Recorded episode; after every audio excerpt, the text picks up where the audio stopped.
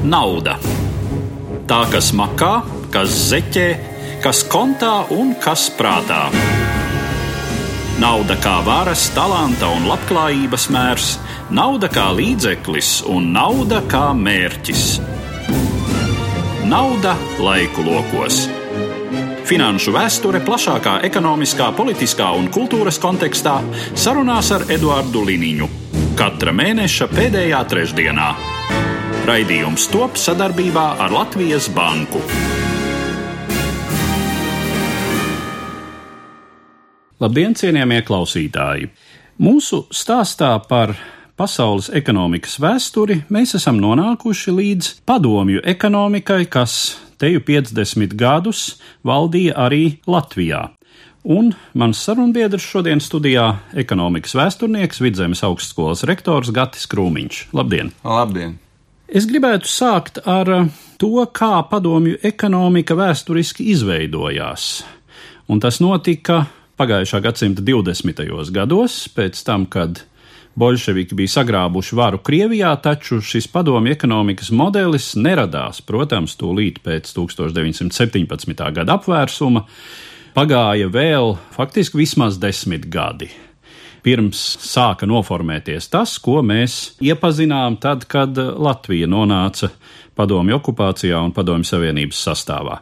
Ja mēs tā paskatāmies tos komunistiskos uzstādījumus un tīrās teorijas, kādai te būtu jābūt šādai sociālistiskās valsts ekonomikai, tad jāsaka pilnīgi godīgi, ka viņi diezgan ātri saprata, ka nav iespējams realizēt šīs idejas, kas bija uzlikts uz papīra vairāk desmit gadu garumā, noformējis gan Marks sākumā, pēc tam arī Ļeņins daudz ko pievienojis ka tas nav praktiski dzīvē realizējams. Vispirms viņi atkāpās no tām idejām, ka pilnīgi visu kontrolē, kad atsakās no tādām pilnīgi radikālām pārmaiņām. Un būtībā, ja mēs paskatāmies uz šo padomu ekonomikas modeli, tad pēc ļoti daudziem parametriem un kritērijiem viņš nemaz tik ļoti daudz neatšķirās. Arī no tādas normālas, tā laika terminoloģijā sakot, kapitalistiskas valsts ekonomikas, jo saglabājās nauda, Saglabājās algas, saglabājās dažādi uzņēmumi, bet, teiksim, kur tā lielākā starpība, tas, ko viņi īstenoja, tā ir tāda totāla valsts kontrola pār visiem ar ekonomikas procesiem. Un tas lielā mērā transformējās uz to, ka arī bolševiki kā totalitāru varu īstenojuši partija, viņi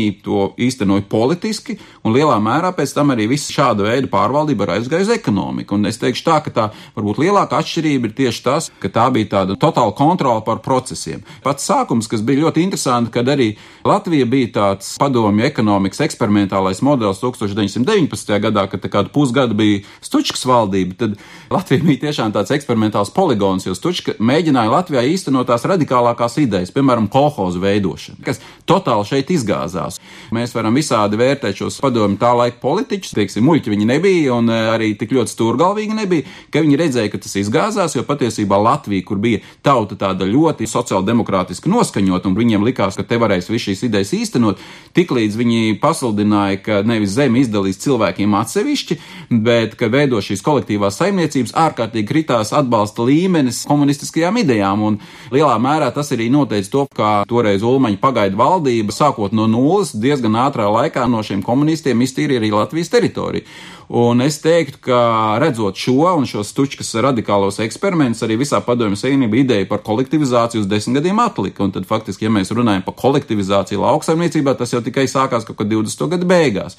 Tā kā lielā mērā viņi saprata, ka tomēr cilvēka domāšana un tas individuālais domāšanas veids ir ļoti spēcīgs. Un tajā brīdī, kad viņi vēl aktīvi cīnījās par politisko vāru nostiprināšanos, viņi saprata, ka to ekonomiku tik daudz nevar kustināt. Rūpniecībā nedaudz vieglāk pārņemt šos rūpniecības uzņēmumus bija, bet, piemēram, lauksaimniecībā patiesībā ļoti ilgstoši bija privāti apsaimniekotas zemnieku saimniecības. Un tirzniecībā tas pats un arī privātos uzņēmumos bija tāda saucamā jauna ekonomiskā politika, jeb neps, ko īstenoja, un tad tas kaut kādā veidā cilvēks nomierināja, un turīgā šķirs liela daļa iznīcināja vai viņi pamuka no padomju savienības, bet tos, kas bija tas sauktais viduslānis, tiem likās, nu, varbūt nav tik traki nemaz ar tiem bolševikiem, varbūt ar viņiem var arī sadzīvot, tad savukārt aktīvi šī laika posmā nostiprinot savu politisko varu, represīvās eh, visas institūcijas, tātad čeka, viss pārējais to nostiprinot, un tā, ka viņi bija tā politiski nostiprinājušies, tad viņi arī ekonomikā sāka arvien vairāk pāriet uz šo komandu ekonomikas modeli, kad arvien vairāk valsts kontrolē, kontrolē, lai valsts varētu sagrābt pēc iespējas lielāk šīs ekonomiskās sviras. Tas ir ļoti būtisks moments, ka lielā mērā jaunās ekonomiskās politikas, kas bija kā tas arī tika formulēts, piekāpšanās kapitālisma nepieciešamības priekšā. Tiek pieļautas diezgan plašos apmēros privātas uzņēmējdarbības formas, pat līdz nelielām rūpnīcām, un tad vienā brīdī cik var spriest no vēstures grāmatās lasāmā, kļūst skaidrs, ka ieguvuši ekonomisko ietekmi šie nepmaņi, tā sauktie, tātad nepa sistēmā izveidojusies turīgāku cilvēku šķira sāk pamazām pretendēt uz politisko ietekmi.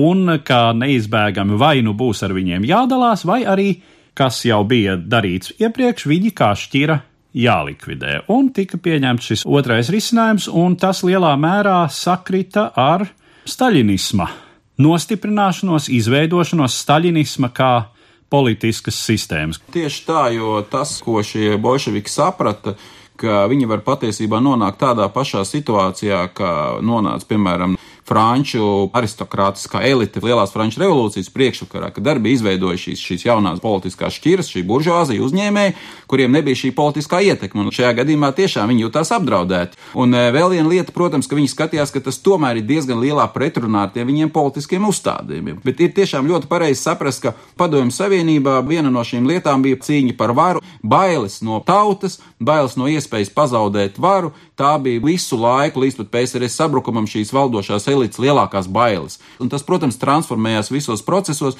un, protams, arī ekonomikā. Un es teiktu, iespējams, šī mēģinājuma vairāk pārņemt kontroli, kas politiski jau bija pietiekoši spēcīga arī ekonomikā, arī lielā mērā izraisīja tiešām arī visas šīs represijas, kas pēc tam pārnesās tajā staļinismā. Šī lauksaimniecības kolektivizācija, kas iesākās un arī Ukrainā, kas izraisīja miljoniem cilvēku lielu badu. Ir viens mīts, kas klejo sabiedrībā un ko mēģina skaidrot arī padomju politikas aizstāvi, ka lūk, tas viss bija nepieciešams, lai valsti strauji modernizētu. Joprojām arī Kremļa valdošās aprindās izskan, ka jā, Staļins bija tāds, bet viņš esot bijis labs menedžers. Es teikšu, ka tas ir aplams pieņēmums, jo Krievijas impērija jau ļoti strauji attīstījās un modernizējās arī revolūcijas priekšvakarā. Revolūcija izraisīja lielā mērā šis pirmais pasaules karš. Es teiktu tā, ka Krievija jau tāpat bija potenciāli visu to izdarīt un attīstīties. Tad šie mēģinājumi ar tādu valsts sociālismu veidu tiešām būvēt šīs rūpnīcas, industrializēt tādā forsētā veidā, Tanī brīdī, kad ir valstī bats, turpina atņemt zemniekiem graudus un pārdot rietumos un uh, iepirkt kaut kādas iekārtas. Zināmā mērā, protams, mēs varam teikt, ka viņi šo savu mērķi sasniedz, jo PSRS tomēr kļuva par pietiekoši spēcīgu spēlētāju pasaulē, un vairākas desmitgadus no PSRS arī baidījās. Runājot par šīs sistēmas veidošanos un vēl mazliet pakāpjoties solīt atpakaļ pie pirmsākumiem, kāds bija priekšstats par to, kādas ekonomiskās attiecības viņi veido un kāds tad ir tas mērķis, tas, ko dēvēja par komunismu, par ideālo uzceļamo sabiedrību. Skaidrs, ka viņi nonāca sprukās un slazdā, jo tas, ko viņi izdarīja, tas bija tāds savā ziņā pusceļš līdz tam komunismam tik tālu, ka viņi bija likvidējuši lielā mērā privātīpašumu. Uzstādījumi bija tādi, ka tiešām šajā ideālajā sabiedrībā katrs cilvēks strādā pēc savām spējām, sabiedrības interesēs, nav vajadzīgas nekādas ietekmēšanas vai kaut kādas finanses motivējušas metodas, un vienkārši cilvēks strādā ar apziņu, paņem lieto no sabiedrības, cik un kādā veidā viņam ir vajadzīgs. Tātad nauda vispār nepastāv kā kaut kāds maksāšanas līdzeklis, tātad cilvēks iet uz darbu, pēc tam viņš aiziet uz veikalu vai, teiksim, tajā brīdī tā ir noliktava, paņem tas, kas viņiem vajadzīgs pārtikai, viņš neņem vairāk, kā viņam vajag.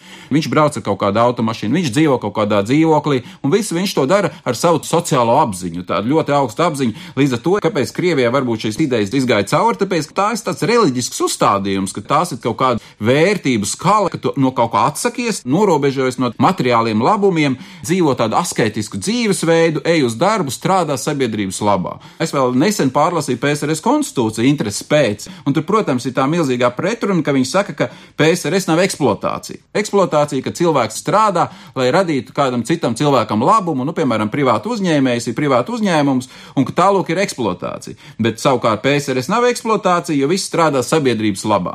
Bet no procesa organizēšanas viedokļa taču situācija faktiski identiska. Tikai jautājums, kas saņem to labumu. Ja, piemēram, privātu uzņēmēju darbībā nosacīt, mēs varam runāt, tad īpašnieki nosaka šos procesus, iegūst lielāku vai mazāku labumu, tad šajā padomju modelī no procesu viedokļa viss notiek tāpat, tikai jautājums, kas sēž virsū, tā ir tā valsts. Un arī valsts tad ir šī labuma guvēja, un arī valsts nosaka, ka cilvēkam ir jāiet uz darbu, viņam maksā noteiktu algu, par kuriem viņš iet un kaut ko pērk. Padomju Savienībā Savienībā, viņi varēja regulēt algas, cik tu cilvēkiem maksā par to. Protams, ja cilvēks negrib strādāt, turpat likumdošana speciāli bija par to, ka, ja cilvēks nestrādā, tad viņi ieliek cietumā. Tad visiem obligātais piespiedu darbs tas, kā tas patiesībā funkcionē ar tiem uzstādījumiem, nu, milzīgi pretruna. Un jebkurš loģiski domājušs cilvēks, iepazīstos ar tā, tām situācijām rietumos, saprata, ka tur ir milzīga manipulācijas, teikt, demagoģija, jo daudz jau lietas pilnīgi tādas pašas, un arī padomju savienībā taču bija šī tirgus ekonomikas modeļa ļoti daudz sastāvdaļas, un, piemēram, lauksaimniecība.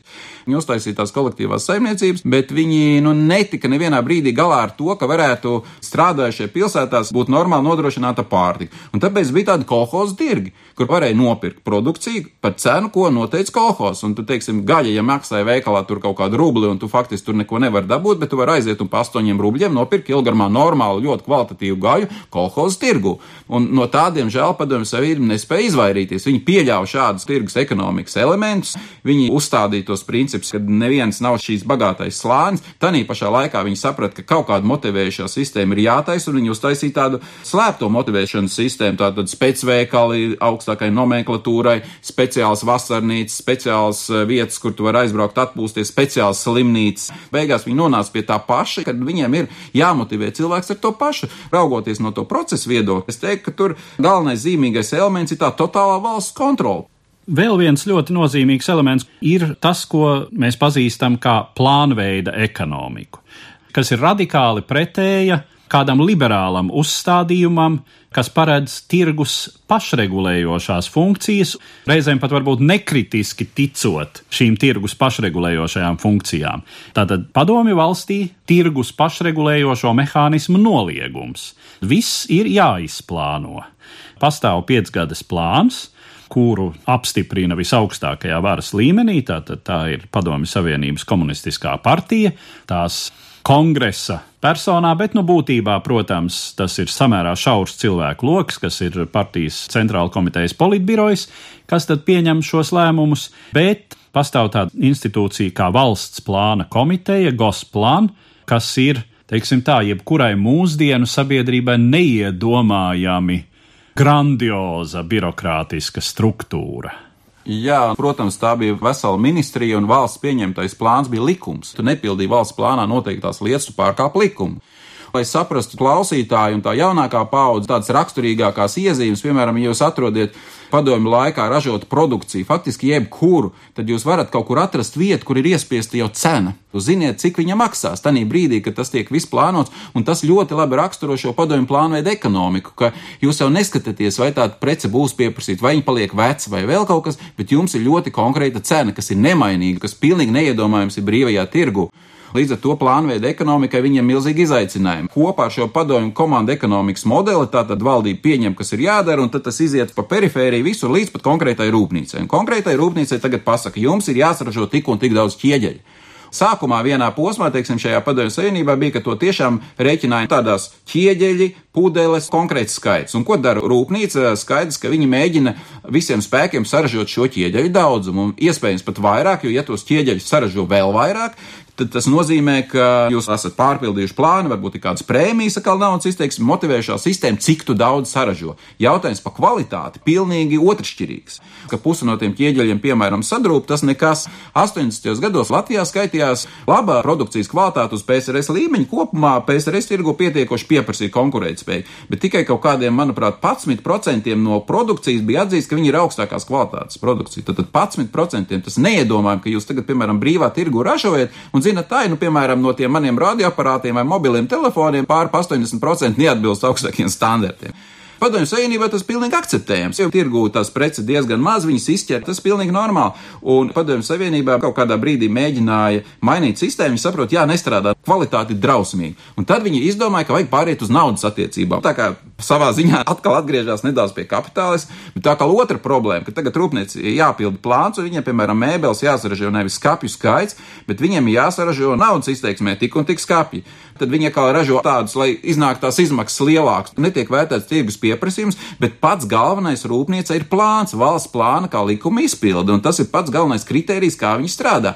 Un tāpēc arī padomju savienībā radās tādas situācijas, ka, piemēram, kaut kāda daļa no produkcijas vienkārši deficīts, ka tu nevari viņu dabūt, veikalos viņu nav, citas lietas kaut kādas ir saražotas par daudz un stāv noliktavās pilnas, jo nevis tirgus vai pieprasījums to regulē, bet šis piecgadus plāns.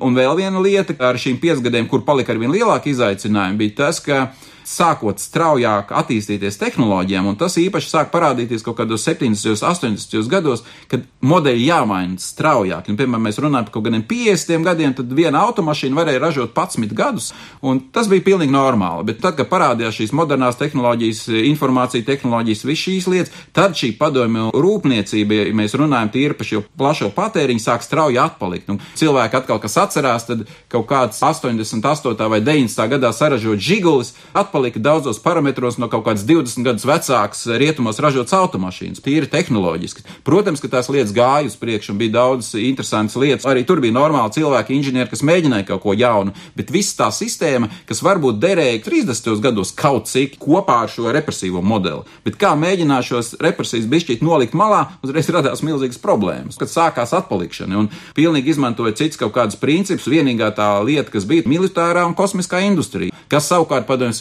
bija izmaksāja nu neadekvāti daudz. Nauda laiku lokos. Sarunas ar Eduardu Liniņu par finanšu vēsturi plašākā ekonomiskā, politiskā un kultūras kontekstā. Raidījums top sadarbībā ar Latvijas Banku.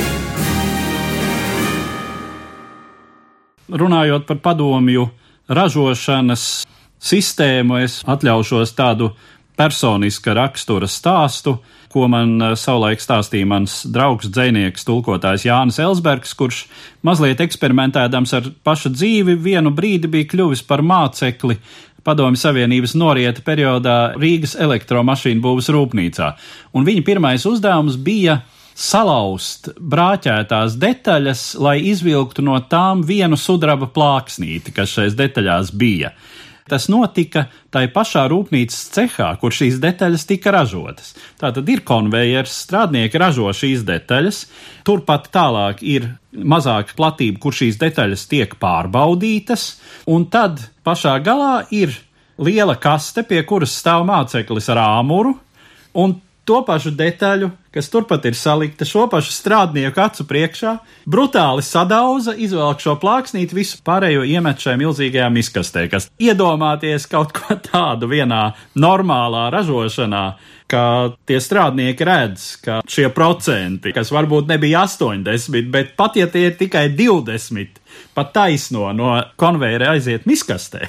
Jā, tas ir izcils piemērs, un šādu piemēru diezgan daudz. Šajā gadījumā var atkal rasties tas jautājums, kā tas modelis izvilkt, kā ārkārtīgi ilgstoši. Ja PSRS nebūtu atradusi tādu nišu 60. gados sākt tirgot savus energoresursus, naftu, tad tas sakrita laika, kad rietumos ļoti pieauga naftas cenas, tad eh, bija tāds milzīgs resurs no rietumiem, kur PSRS varēja šo ekonomisko modeli uzturēt vēl ilgāk. Atkal vēl viena lieta, ka PSRS drukāja ļoti daudz naudu. Tur bija slēpta inflācija, valsts uzturēja cenas, Un tas ir vēl viens, kas šobrīd absolūti neizprotams. Ja mēs, piemēram, iedomājamies, ka kāda prece veikalā nav, tad momentāli vai nu kāds viņu saražo, vai nu šai precei ļoti strauji pieaug cena, tāpēc ka augsts pieprasījums. PSRS laikā bija tā, ka tās preces vienkārši nebija bet cilvēkiem maksāja visu laiku naudu. Un tāpēc PSRS laikā radās tāds fenomens kā piespiedu uzkrājumi. Piemēram, lauku iedzīvotājiem, lauku cilvēkiem, kur arī algas nebija zemākas kā pilsētās, bet laucinieki bija ļoti daudz naudu it kā sakrājuši. Un, teiksim, rāda statistika, ka viņi sakrājuši. Es atceros, mana vecā māma bija sakrājusi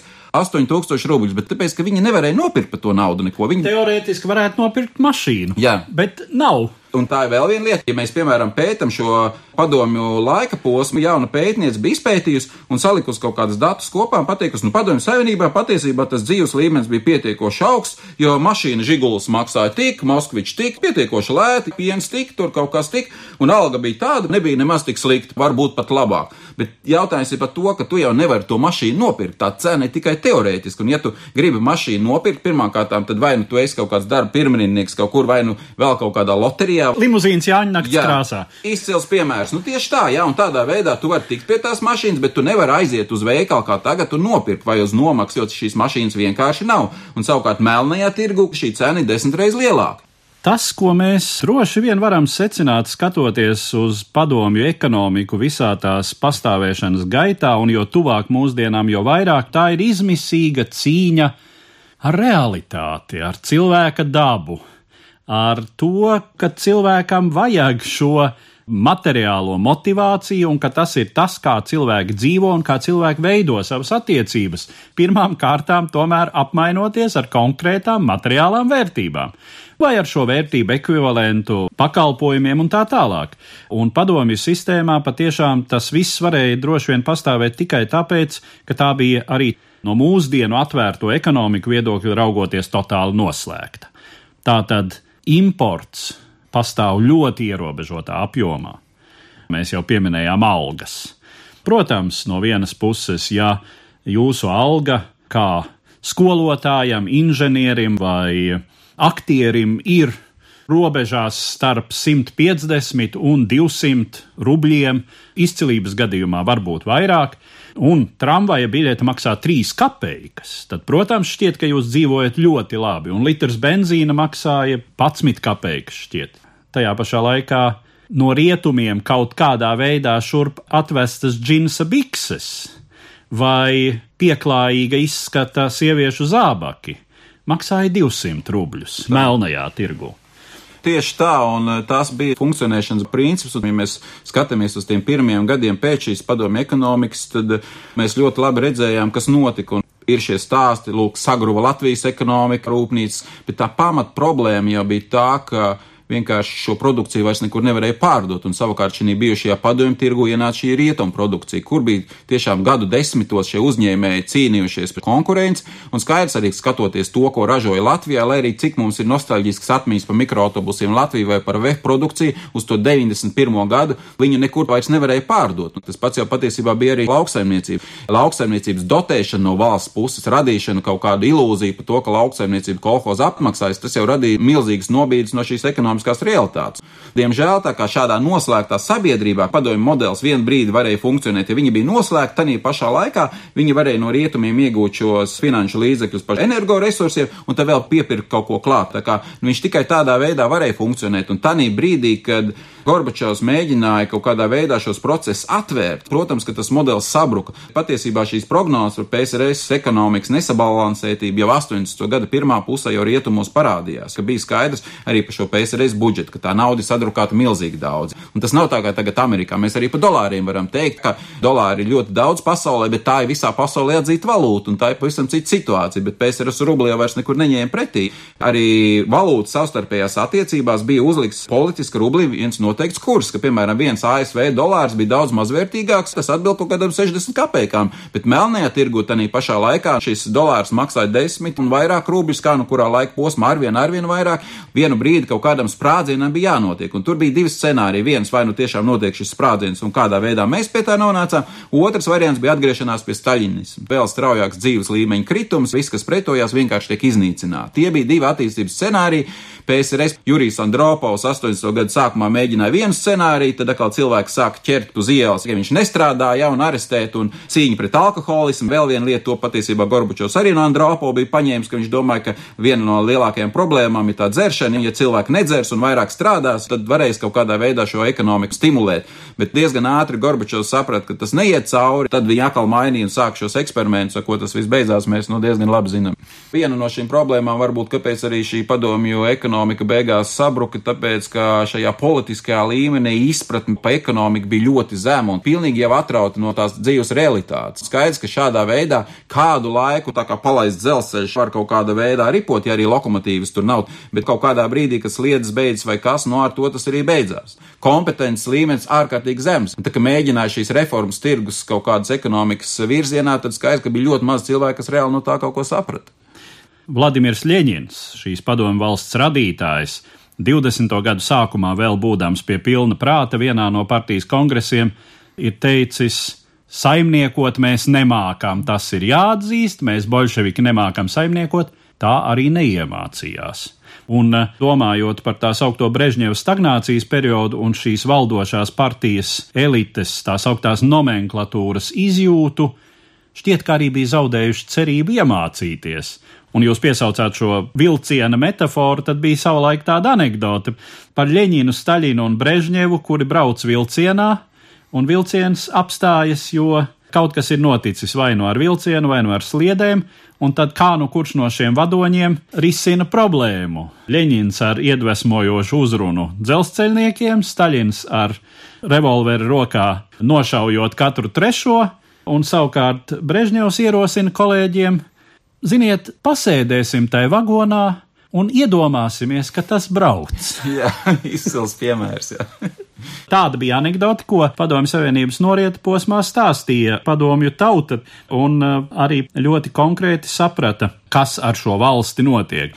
Mēs jau piesaucām par to alkohola apkarošanu, bet arī tā bija viena tāda milzīga niša, šis alkohola ražošanas monopols, jo es esmu skatījies šos PSRS budžets, un tur regulāri kaut kad 10 līdz 12% no ieņēmumiem PSRS budžetā veido tieši tirzniecība ar alkoholu. Un eh, Gorbačovs tajā brīdī, kad mēģināja modernizēties, mēģināja investēt milzīgas naudas ražošanā. Pirmās Gorbačova idejas bija sapirksim rietumu iekārtas un tad mēs dzīvosim labāk. Paralēli tam viņš piegrieza alkohola ražošanu un eh, samazināja ieņēmumus budžetā un nenovērtēja to, ka pasaulē naftas cenas ir dramatiski nokritušās. Līdz ar to vairāki sitieni ekonomikai vienlaicīgi. Pētot šīs diskusijas politbirojā, viņi nesaredz tur problēmu nekur. Viņi šo kopāju nevar savilkt kopā. Ja mēs pasaulē paskatāmies, ir jau valstis, kas ir atradušas izēju, nu, piemēram, tāpat Ķīna, ka viņi ir saglabājuši šo politisko kontroli un tādā pašā laikā spējuši ekonomikas procesu tomēr pagriezt kaut kādā citā virzienā. Ļaut arī vairāk šo privātu uzņēmēju darbību, un es teiktu, ka kaut ko līdzīgu pēc manām domām mēģina īstenot arī Putins Krievijā šobrīd saglabāt šo politisko kontroli un savukārt šos oligarhus kontrolēt. Bet tomēr ir šis bailes no cilvēkiem, bailes no demokrātijas, bailes, ka tevi neievēlēs. Tā ir tomēr cita mentalitāte. Rietumē Eiropā tomēr mēs vairāk vai mazāk jau esam eh, sapratuši to, ka šīs demokrātiskās institūcijas tomēr ir ļoti svarīga pašregulējuša sastāvdaļa. Tur viņi savukārt mēģina sakoncentrēt šo politisko varu, kur es teiktu, ir tas lielākais risks, ja tās politiskās varas piramīdas augšpusē ir nepareizais cilvēks, tad sākās ziepes, un to mēs ļoti labi redzējām. Un es teiktu, tas arī Ķīnas gadījumā viens no lielākiem riskiem, ka, ja tur nepareizie cilvēki nonāks pie varas, tad viss tā sistēma var ļoti saļodzīties. Palūkojoties uz Latvijas situāciju un Latvijas sabiedrību pielāgošanās šim padomju modelim. Tas ir viens no tiem traģiskiem stāstiem, ka netik daudz sabūvētās rūpnīcas vai tās iekārtas, bet diemžēl sabiedrības kopējais domāšanas veids tomēr transformējās padomju periodā daudz vairāk nekā mums tas likās pašiem 90. gadā. Tur jāsāk ar to, kas notika sākot no šī 39. gada, kad sākās Otrais pasaules karš. Es to raksturoju tā, ka mūsu sabiedrībai kopumā Latvijā nocirta intelektuālo galvu, jo mēs pazaudējam apmēram pār pa 400 tūkstoši cilvēkiem kopumā, ko mēs varētu raksturot tomēr kā mūsu sociālo, ekonomisko, arī kultūrālo un politisko elitu ka mēs pazaudējam divas intelektuāli un arī ekonomiski spēcīgākās nacionālās minoritātes, tad, tad vācieši un ebreji, tad, tad ebreji tas ir holokausts, un eh, vācieši savukārt izceļoja uz Vāciju. Savukārt padomju represijas arī skāra šos uzņēmīgākos cilvēkus, kas bija kaut ko sasnieguši, plus liela daļa pameta, nu, šī intelektuālā galva tika nocirsta, plus vēl jaunā paudze, kas tika nogalināta. Un mēs dabūjām vietā, kas mums ienāca, notransformējās, ienāca pavisam citu kultūru. Pirmajos 15 pēcpar gados mums pie pusmiljonas jau cilvēki iebrauc Latvijā iekšā pavisam savādāki. Protams, ka mēs pielāgojamies, palikušie, iemācījāmies izdzīvot tajā procesā, bet arī mums pašiem radās šīs jaunās kultūras. Mēs joprojām atšķirāmies no pārējās PSRS, tāpēc mums sauc par PSRS rietumiem, joprojām darba tradīcijas, produkcija, ko ražoja, bija kvalitatīvāka, subjektīva apstākļu dēļ, tāpēc ka mūsu cilvēkiem bija cita attieksme tomēr pret darbu.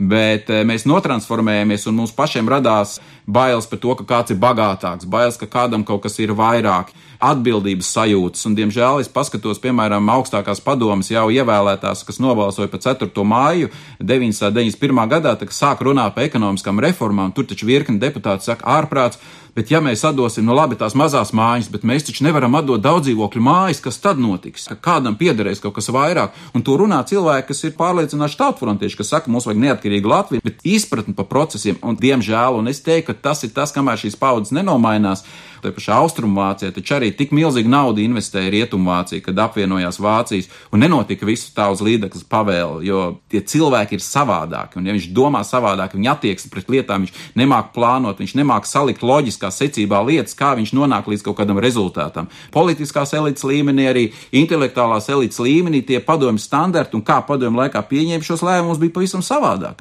Cik ilgstoši visu laiku vēl prasīja šīs idejas par dotācijām atbalstīšanu, nevis uzlikt uz ekonomisko kaut kādu normālu procesu šīm sliedēm, bet atrast kaut kur kaut kādus līdzekļus, lai kaut kā dotētu, ielobēt šīs lobēšanas sistēmas, kur ir daļa, piemēram, arī no šīs problēmas, kas mums bija ar atjaunojumu energoresursiem, ka milzīga daļa uzreiz redzēja nevis ideju par zaļo enerģiju, bet kā papildus nopelnīt uz to, ka tu kaut ko ielobē. Rietumos arī ir tādi cilvēki, bet mums tas vienkārši ir daudz lielākā apjomā joprojām.